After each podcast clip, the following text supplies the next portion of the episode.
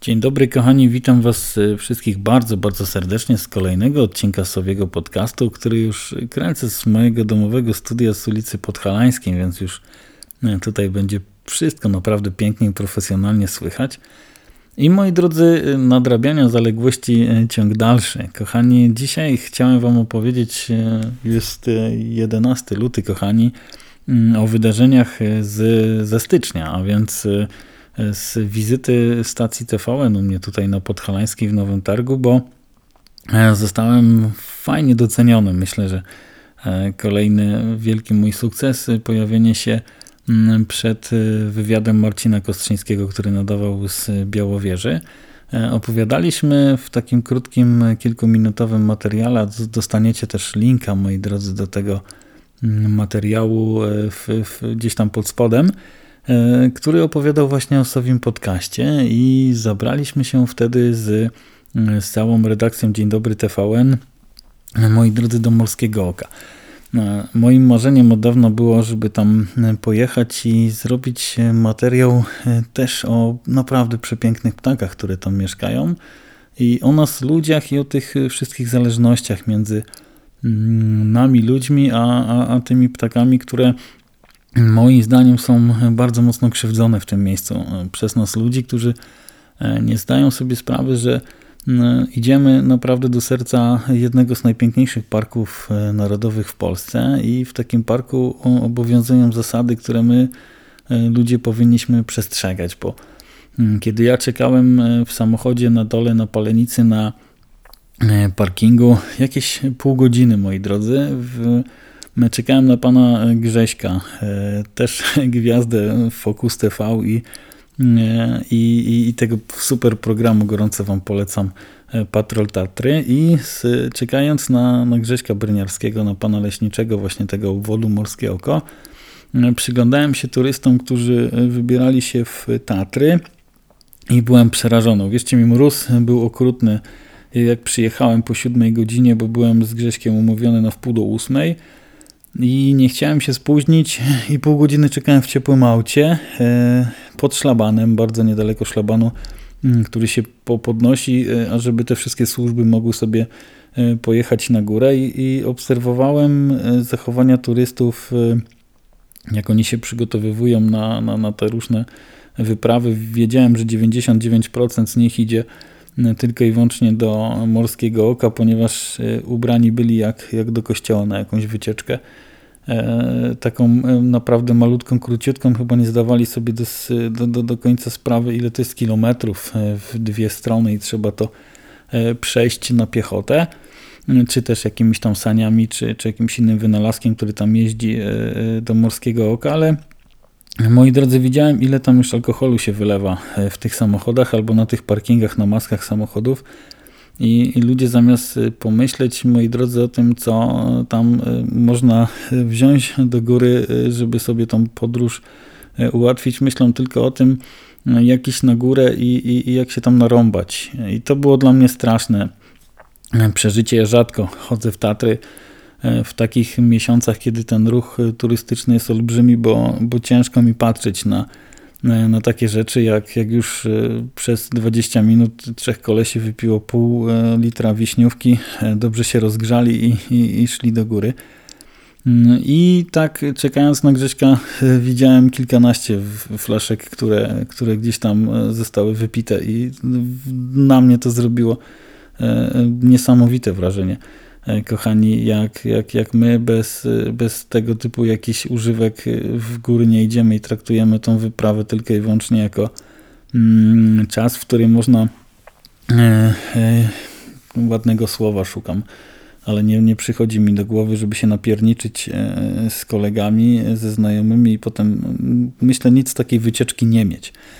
Mm, I tak tam to pół godziny upłynęło mi między patrzeniem na ludzi, którzy e, zakładali raki, którzy tam naprawdę byli wyposażeni w jakieś szczekany, kaski, e, jakieś narty, e, którymi gdzieś tam szli do góry, no to to byli ludzie, którzy byli fajnie do tej wyprawy przygotowani. No i przyszedł czas, kiedy Grzesiu podjechał pod, pod szlaban. Naprawdę, uwierzcie mi, niesamowity gość. Te historie, które Grzesiu opowiadał, bo nie uwierzycie, zajechałem na górę odwiedzając leśniczówkę Grześka Bryniarskiego, gdzie tam właśnie ze swoim zastępcą prowadzą te wszystkie prace prace biurkowe, gdzie, gdzie całą tą papierologię ogarniają naprawdę niesamowite miejsce z, z fajnym klimatem. Potem przesiedliśmy się do kolejnego samochodu E, już jakiegoś terenowego Isuzu i pojechaliśmy nad Morskie Oko, wioząc jeszcze jakieś tam e, rzeczy, e, które tam były potrzebne do tego materiału. I takim sposobem dostałem się, kochani, na Morskie Oko w, w, dosłownie w kilka minut. Nie miałem okazji nigdy, nigdy po parku jeździć samochodem i to była pierwsza, pierwsza moja okazja i powiem wam, kochani, że przez ten czas rozmawiałem z Grześkiem o czym? No o sowach oczywiście, które zamieszkują kochani e, ten kawałek lasu, który Grzesiek tam właśnie e, opiekuje. I, i kilka fajnych e, anegdot Grzesiek mi opowiadał właśnie o tych pięknych ptakach, które gdzieś tam spotyka chodząc po lesie. I Mam nadzieję, że uda się z Grześkiem zrobić osobny podcast poświęcony tylko i wyłącznie tej przyrodzie tatrzańskiej, że pójdziemy sobie razem kochani, gdzieś do lasu i, i tam będziemy mogli troszkę porozmawiać e, mm, o tych Tatrach e, widzianych właśnie z, z mojej perspektywy, czyli, czyli o wszystkich, przede wszystkim skrzydlatych mieszkańcach tego naprawdę chyba najbardziej uczęszczanego miejsca w Tatrzańskim Parku Narodowym. I mm, kochani, co? Wyjechaliśmy na górę, wypiliśmy herbatkę, przy, przy, przywitaliśmy się z całą ekipą e, Dzień Dobry TVN, która stamtąd na żywo robiła e, cztery wejścia, e, kochani, na prognozę pogody. No, fenomenalną pogodę trafiliśmy. Był siarczysty mróz i to był dzień, no chyba pierwszy od 40 iluś dni, kiedy E, tam właśnie nad Morskim Okiem pokazało się e, światło, po prostu słońce zaświeciło do okien, to było fenomenalne, kiedy mm, będąc tam w środku byłem, e, byłem mogłem uczestniczyć w tym wydarzeniu, kiedy pani Marysia, która zarządza schroniskiem już ponad 50 lat chyba, ile się nie mylę, nie, nie pamiętam dokładnie, E, na takim wózeczku, bo, bo już ma problemy z poruszaniem się, e, na takim balkoniku do, do okna nawet przyszła do nas e, się przywitać, porozmawiać chwilę. Niesamowicie ciepła, ciepła osoba i, i też tam wrócę, żeby z nią porozmawiać, kochani, i, i zrobić podcast o, o zwierzakach, które tam na pewno pukały do okien. Mam mnóstwo pomysłów, więc więc postaram się za, za bardzo mocno zaangażować tych ludzi ze schronisk tatrzańskich, żeby też oni poopowiadali o, o tej przyrodzie z ich punktu widzenia ludzi, którzy tam naprawdę ciężko pracują. Wierzcie mi, schronisko było zamknięte, ponieważ te wszystkie obostrzenia covidowe nie dały szansy ludziom wejść do środka. My mieliśmy od tyłu takie małe pomieszczenie, w którym tam była kamera i, i, i ja też mogłem się tam poplątać, zwiedzić to miejsce. No, magiczne miejsce. Nie, nie miałem okazji tam nigdy łazić e, po środku, ponieważ zawsze tam była jakaś szybka kawka, herbatka, czy, czy to był taki punkt, e, gdzie już nie było możliwości wejść, ponieważ e, było tyle ludzi. I byłem też, znaczy sam się tam zaoferowałem do pomocy podczas powstawania tej prognozy pogody, tych wejść na żywo niesamowite to jest, bo z nami też był e, wóz satelitarny, który ten sygnał dawał e, na żywo do Warszawy, więc mogłem sobie troszkę podpatrzeć, jak wygląda, kochani, życie takiego, takiej, takiej telewizji na żywo. To jest naprawdę olbrzymie przedsięwzięcie. Nosiłem jakieś kamery, kable, inne rzeczy i pomagałem. Jakąś cegiełkę wsadziłem do, do powstawania, kochani, tego podcastu. A w przerwach między y, prognozą pogody i rozmowami z Grześkiem Bryniarskim, który był gwiazdą e, tam e, tych, y, tych transmisji na żywo i opowiadał właśnie o Morskim Oku i o bezpieczeństwie w, w Tatrach, jak zachowywać się, kochani, e, i nie łazić po tafli jeziora, jeśli tam nie mamy zielonego pojęcia, jaka jest grubość lodowa. Naprawdę zagadywał nas opowieściami o zwierzakach, o ludziach, którzy gdzieś tam są związani z tym miejscem i, i powiem wam, to było 5 e, albo 6 godzin, które zleciało jak z bicza, strzelił, bo kiedy kilka osób e, fajnie zaczyna e, kleić się rozmowa i, i, i o zwierzakach i o wszystkim, co, co, co, co, co wszyscy lubią dookoła, to naprawdę to był świetny czas, ale Ja też kręciłem tam mój podcast, który usłyszycie, moi kochani, o orzechówkach, o ptakach, które nad morskim okiem ja tak Wiktorii, e, jak pokazywałem materiał filmowy, kochani, który tam e, też ja nakręciłem, ponieważ zabrałem ze sobą też cały mój sprzęt, nie mogło być inaczej, rejestrator dźwięku, zoom, e, ze mną pojechał, aparaty, mm, dwa i kamery, a żeby wiecie co, jak najwięcej też swojego materiału zarejestrować, żeby mógł wam też opowiedzieć o tej całej przygodzie, to powiem wam, moi drodzy, wyszliśmy przed schronisko i z każdą minutą ludzi było coraz więcej. To były olbrzymie tabuny ludzi, bo to była niedziela e, z prześliczną pogodą, z olbrzymim mrozem, bo tam mróz dochodził do 20 stopni poniżej zera, więc e, ci, którzy tam byli rozgrzani tymi promilami, już byli ciepli e, bardzo mocno idąc, czy tam dochodząc już na samą górę i zewsząd przylatywały orzechówki. To myślę, że każdy, kto był na morskim okiem, e, zna te ptaki.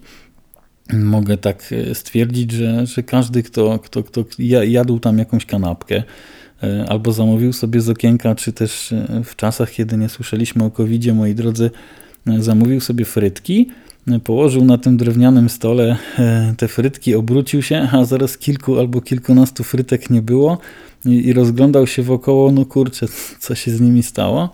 E, czy też e, albo ktoś mu oskubał olbrzymi kawałek szarlotki, wie o kim, e, moi drodzy, mówię. Ja mówię o, o przepięknych, krukowatych ptakach, moi drodzy, którzy, które są wielkości kawki. Może, no tak, myślę, że to byłoby najtrafniejsze określenie takie ciemnobrązowe, prawie czarne, z olbrzymią ilością perełek e, na, na swoim ciele. No, wyglądają naprawdę przepięknie.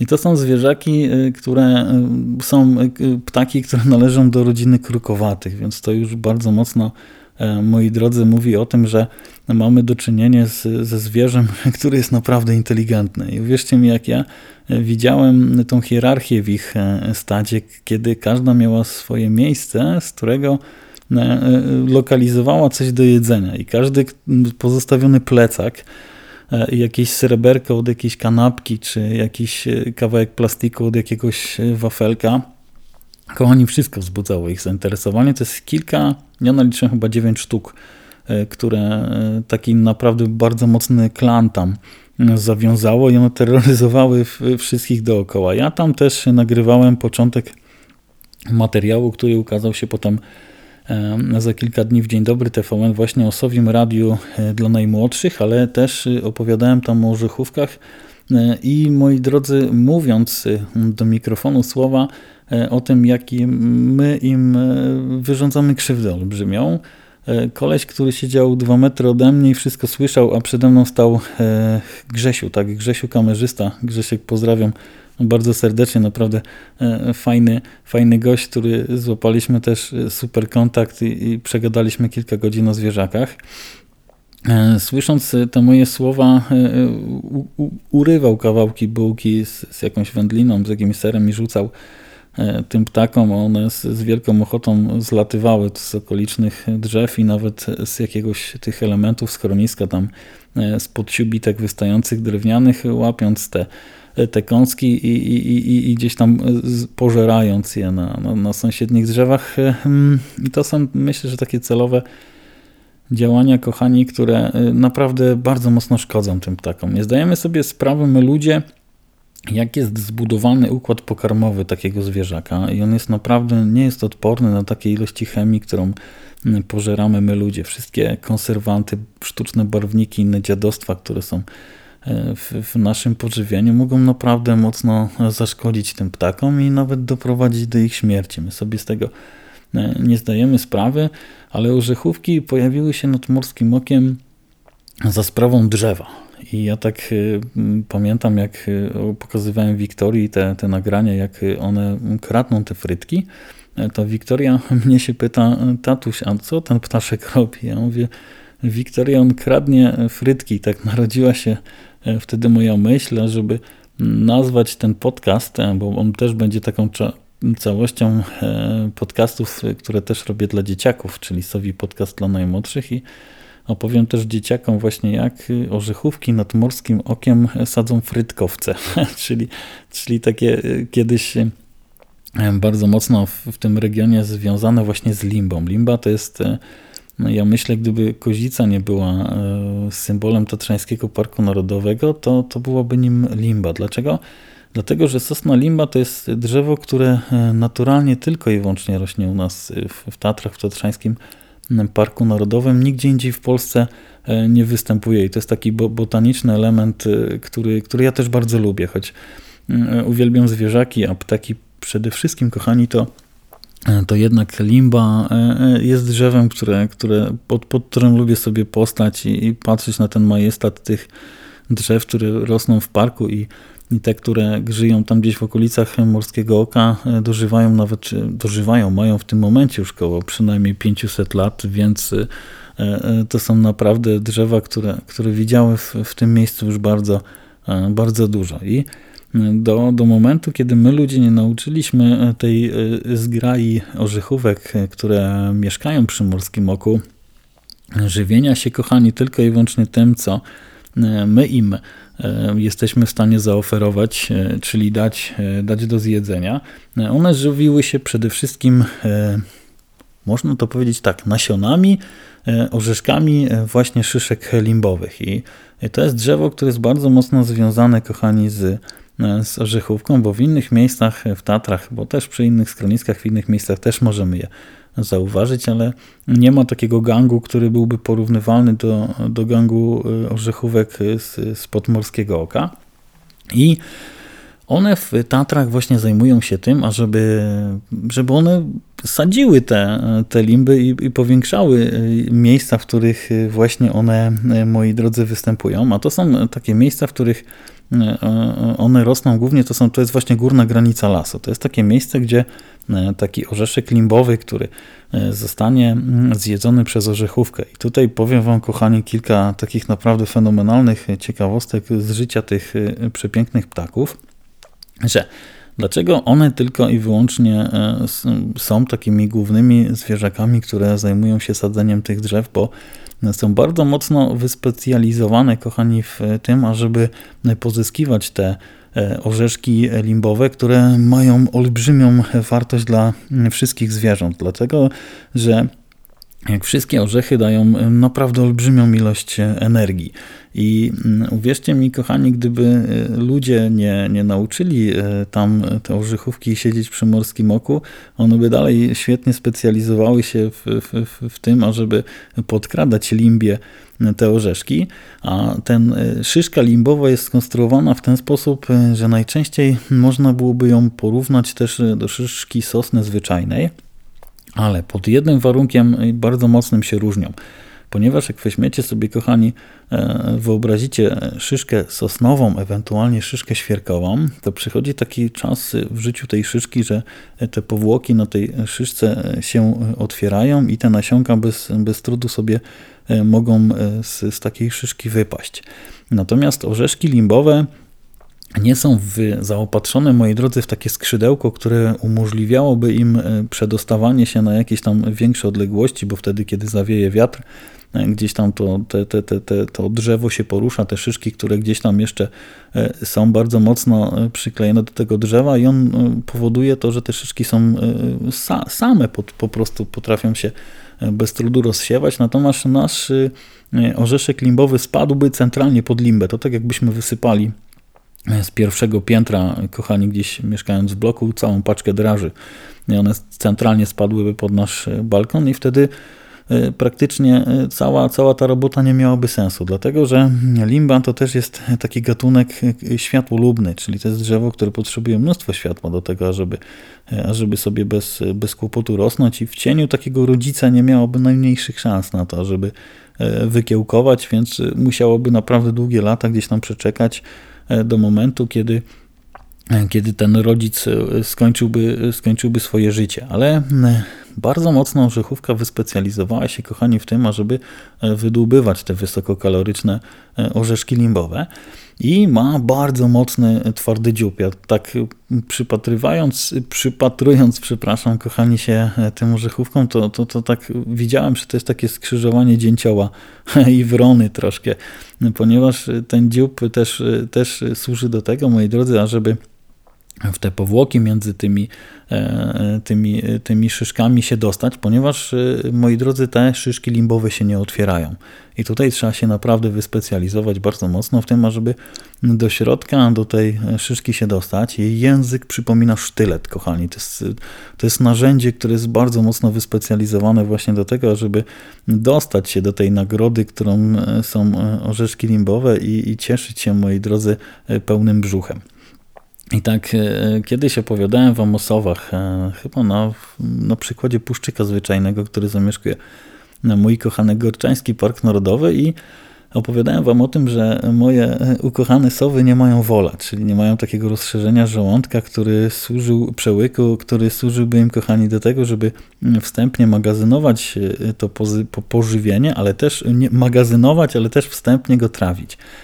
I nasza orzechówka ma taki wól, posiada taki wól, który jest właśnie e, rozszerzeniem przełyku i nie uwierzycie kochani, ona do takiego rozszerzenia przełyku potrafi tych orzeszków nazbierać do 40 sztuk. Wyobraźcie sobie, jaki to jest e, latający magazyn, e, taki siewnik chyba bardziej, siewnik, moi drodzy, który, który, który lata po okolicy i, i, i potrafi naprawdę wyzbierać olbrzymią ilość tych, tych orzeszków, tych nasion. A jak ona to robi? Wszystkie szyszki, moi drodzy, które spadną na ziemię i oczywiście nie są otwarte, bo wiemy już o tym, że, że te szyszki się nie otwierają, to taka orzechówka e, bierze w dziób e, tą szyszkę, która jest wielkości, aby tak ładnie porównać, do czego by ją porównać. O, myślę, że do kurzego jajka.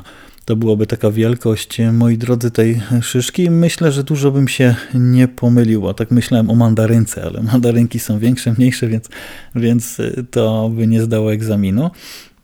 I moi drodzy, leci sobie z taką szyszką gdzieś po okolicy i szuka sobie takiego kowadełka. Szuka sobie takiej kuźni, E, jak to się mówi potocznie, e, obserwując też dzięcioła dużego, który sobie wsadza szyszki świerkowe czy sosnowe w jakieś zagłębienie w korze, albo gdzieś jest jakiś e, złamany badyl w kształcie litery V, gdzie można wepchnąć tą szyszkę, żeby ona sobie tam pięknie, bezpiecznie siedziała i można byłoby się zabrać za to, żeby wydłubywać te nasiona ze środka i w ten sposób jest w stanie ogołocić takie, takie, takie drzewo limbowe, taką limbę naprawdę ze wszystkich orzeszków. Sierpień, kochani, to jest taki czas, kiedy już zaczynają bardzo mocno dojrzewać te orzeszki, już wtedy zaczynają orzechówki mocno przyglądać się takim miejscom i doglądają tych wszystkich limb, bo potrafią E, naprawdę świetnie rozróżniać gatunki drzew, więc to też dla Was e, takie, taka wielka ciekawostka. Ciekaw jestem, czy Wy bylibyście w stanie, idąc sobie przez park, Tatrzański Park Narodowy, rozróżnić sosnę zwyczajną, sosnę kosodrzewinę i, i sosnę limbę od siebie. To też dla Was taka ciekawostka i zagadka. Jakby będziecie kiedyś w Tatrach, to, to możecie się, kochani, e, e, naprawdę wybrać w świat przyrody i starać się te wszystkie trzy gatunki znaleźć, idąc sobie już gdzieś tam od, od morskiego oka.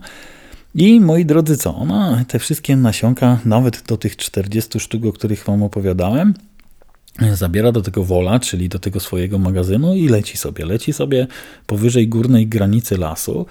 W takich miejscach y, zaczyna szukać, y, moi drodzy, takich swoich magazynów. Ja y, zawsze też ją porównywałem do sójki, która też sadzi lasy u nas w Polsce. I zaczyna sobie szukać między skałami takich miejsc, kochani, w których mogłaby te nasionka ukryć, ale to muszą być też miejsca, które ona potem może znaleźć e, bez żadnego problemu, czyli gdzieś jakieś e, miejsca charakterystyczne, żeby te nasiona schować i po kilka, po kilkanaście sztuk wkłada do ziemi, robi dzióbkiem takie niewielkie otwory, chyba że to są jakieś naturalne zagłębienia, chowa sobie wtedy te, te wszystkie limbowe orzeszki i tam je zostawia. No i pomyślcie sobie, jaką genialną ten ptak musi mieć pamięć do tego, żeby z tych wszystkich tysiąców miejsc, w których ona te orzeszki wkłada, była w stanie potem w zimie do takich miejsc dotrzeć i, i odgrzebać. O ilu miejscach zapomnie. Nie? I pomyślcie, moi drodzy, że e, jak, jaką wielką i ciężką robotę ten ptak robi, e, ile, e, ile potem tych limp rośnie w Tatrzańskim Parku Narodowym, które tylko i wyłącznie temu zwierzakowi zawdzięczają, kochani, to występowanie tych przepięknych, naprawdę przepięknych drzew w, w, w Tatrzańskim Parku Narodowym. I potem taka limba, y, powiem wam, też nie ma łatwego życia, ponieważ gdzieś tam maszerując powyżej tej górnej granicy lasów, wiecie, kochani, o tym, że, że to już nie jest taki fajny teren do, do życia. Wszędzie są skały, mało jest takich miejsc, że, że mógł, mogłoby to drzewo rosnąć bez żadnych problemów, ale limbie też y, pozwala na to takie przystosowanie do, do tego, żeby, żeby w takich miejscach żyć, kochani, i, i te korzenie potem oplatające te kamienie, to, to widać idąc szlakami, e, jak, jak, jak one trzymają te skały. To jest, to jest niesamowite przystosowanie i szukają między skałami szczelin, w które e, mogą ten korzeń włożyć i potem cały ten system korzeniowy to jest, to jest naprawdę genialne e, stworzenie, które trzyma takie wielkie, olbrzymie drzewo i, i, nie jest e, się w stanie nawet przewrócić, kochanie, podczas e, takich bardzo mocnych wiatrów halnych, które już przecież w tym okresie jesienno-zimowym wieją mi nawet i dwa razy w tygodniu, więc no to też jest olbrzymie przystosowanie tych pięknych drzew do życia w naprawdę ciężkim, kochani, w, w ciężkim klimacie. Ale wrócimy, moi drodzy, do do skroniska nad Morskim Okiem i do tych pięknych ptaków. I E, powiem Wam, że tak przyglądając się przez kilka godzin też i przez okno zachowaniom e, tych ptaków, ale też ludzi, którzy specjalnie wysypywali e, jedzenie, jakieś nawet wafelki, moi drodzy, chrupki, chipsy, jakieś obrzydlistwa, które, które są z olbrzymią ilością tłuszczu, jakichś innych e, konserwantów, innych rzeczy i te ptaki naprawdę pożerały je z, z, z, z olbrzymim apetytem. To, to widać było w tych oczach, że, że, że te słodkie bardzo, bardzo, bardzo lubią I, i, i ja tak sobie starałem się pomyśleć o tym, że co, wchodzimy na teren, na teren Parku Narodowego i powinniśmy sobie zdawać sprawę z tego, że na dole w kolejce stojąc po bilet czytamy no, mało kto czytał ten regulamin, ale są tablice, które informują o tym, że jak wchodzimy do Parku Narodowego, to kurczę, no nie powinniśmy tych zwierzaków dokarmiać, ponieważ nie powinniśmy też zmieniać ich nawyków. I to jest bardzo złe, że od setek lat one sobie świetnie radziły w tym miejscu bez naszych chipsów, chrupków, chrupek, przepraszam, parówek, tony słodyczy, E, i szarlotek, innych, innych rzeczy, nie potrafimy tego e, pilnować i, i, i, za, żeby zrobić sobie zdjęcie ptaszora, który nam tam e, podpiernicza frytki, zostawiamy to, mm, żeby potem pochwalić się na Facebooku, to jest straszne. Moi drodzy, musimy pamiętać o tym, że w Parku Narodowym powinniśmy się umieć zachować i żeby, żeby te ptaki naprawdę żyły sobie swoim rytmem co, co nie jest, moi drodzy, możliwe w, w, w tym miejscu przy takiej ilości ludzi i, i, i one się świetnie bawią i myślę, że i my ludzie się świetnie przy tym bawimy, przy, przy tym całym cyrku, który, który się tam dzieje. A może w Was narodzić się, moi drodzy, takie pytanie, jak one sobie radzą bez tych e, orzeszków, e, kiedy, kiedy przychodzi zima, czy, czy taki e, okres, kiedy E, kiedy tych orzeszków e, mogłoby im zabraknąć. One świetnie żerują, moi drodzy, pożywiając się jaszczurkami, gryzoniami, e, owadami, bezkręgowcami, więc, więc są naprawdę wyspecjalizowane jako ptaki krukowate. Uwierzcie mi, moi drodzy, że, że potrafią, potrafią sobie znaleźć pożywienie bez, bez, bez, bez, bez żadnego trudu. I jest kolejną taką ciekawostką, którą mm, ja widziałem nad Morskim Okiem, to oczywiście kosze na śmieci są poprzykrywane. I ciekawe, ilu z Was e, pomyśli sobie, że no kurczę, no na pewno urbaniaku to jest, e, one są poprzykrywane tylko i wyłącznie dlatego, że też niedźwiadki przychodzą w tamto miejsce, jest też jeleń, który bardzo mocno się tam zadomowił w tamtym miejscu i żeby to głównie te zwierzaki nie wyjadały tych odpadków, które my tam zostawimy. Nic bardziej mylnego, kochani. To było zrobione tylko i wyłącznie z myślą, no może nie tylko, ale w 99% to było zrobione z myślą właśnie o orzechówkach, które wyrzucały wszystko z koszy na śmieci, moi drodzy, i potem to wszystko tam było rozwlek rozwlekane też przez wiatr, a ja idąc na dół, bo cała, cała prognoza pogody była robiona, moi drodzy, z, z brzegu Morskiego Oka, czyli musieliśmy tam tą zachodnią stroną zejść na dół po, po, po tych śliskich schodach. Widziałem oszychówki, które komuś ukradły albo ktoś zostawił świadomie lub nieświadomie. Zostawił, kochani, e, woreczek e, z jakąś, nie pamiętam, czy tam była bułka, drożdżówka, ciężko mi ocenić, i orzechówkę, która się tam na dole męczyła. E, z, z tym opakowaniem, żeby dostać się do tych resztek, które tam były w środku i tak sobie pomyślałem, oj biedny ptaszku, gorzej jakby to naciągło ci się na, na głowę i ciekawe, czy byś sobie była w stanie poradzić z, z tym, czy po prostu byś się udusiła, tak, bez, bez jakiejś pomocy, więc kiedy idziemy w, w, takie miejsca, kochani, to też pamiętajcie o tym, żeby e, ze sobą posprzątać, ale trochę teraz optymizmu, moi drodzy. Myślę, że trochę wam wytłumaczyłem e, o orzechówkach i ja nie mogę, tu zaraz będzie godzina, pół godziny już tutaj zerkam, moi drodzy, na rejestrator 30 minuta.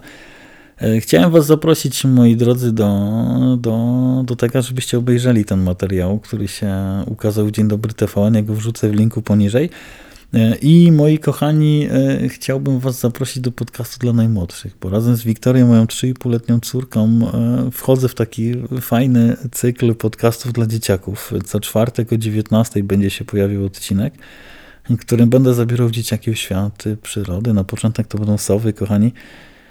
I nie będę już dłużej mm, przeciągał, bo już ja sobie obiecałem, żeby to były podcasty takie maksymalnie 20-minutowe, ale to już jest pół godziny i dalej końca nie widać, więc e, moi drodzy, ja już kończę i zapraszam Was na kolejny podcast w przyszłym tygodniu. Będę wypuszczał dwa podcasty tygodniowo. Jeden będzie dla dzieciaków, drugi będzie i Was też. Zapraszam bardzo serdecznie na, e, na ten krótki podcast, taki maks 10-minutowy w którym też są prace domowe, ale myślę, że z wielką radością dzieciaki je będą wykonywać, ale będę Was też zapraszał na moje, moi drodzy podcasty, e, te troszkę dłuższe o przyrodzie i mam e, nadzieję szybko nadrabiać zaległości spowodowane tą całą przeprowadzką. No i ślicznie Wam dziękuję za, za wszystkie miłe słowa i do usłyszenia w przyszłym tygodniu. Pozdrawiam Was wszystkich bardzo, bardzo serdecznie. Właśnie mój telefon spadł, także do usłyszenia, kochani. Trzymajcie się.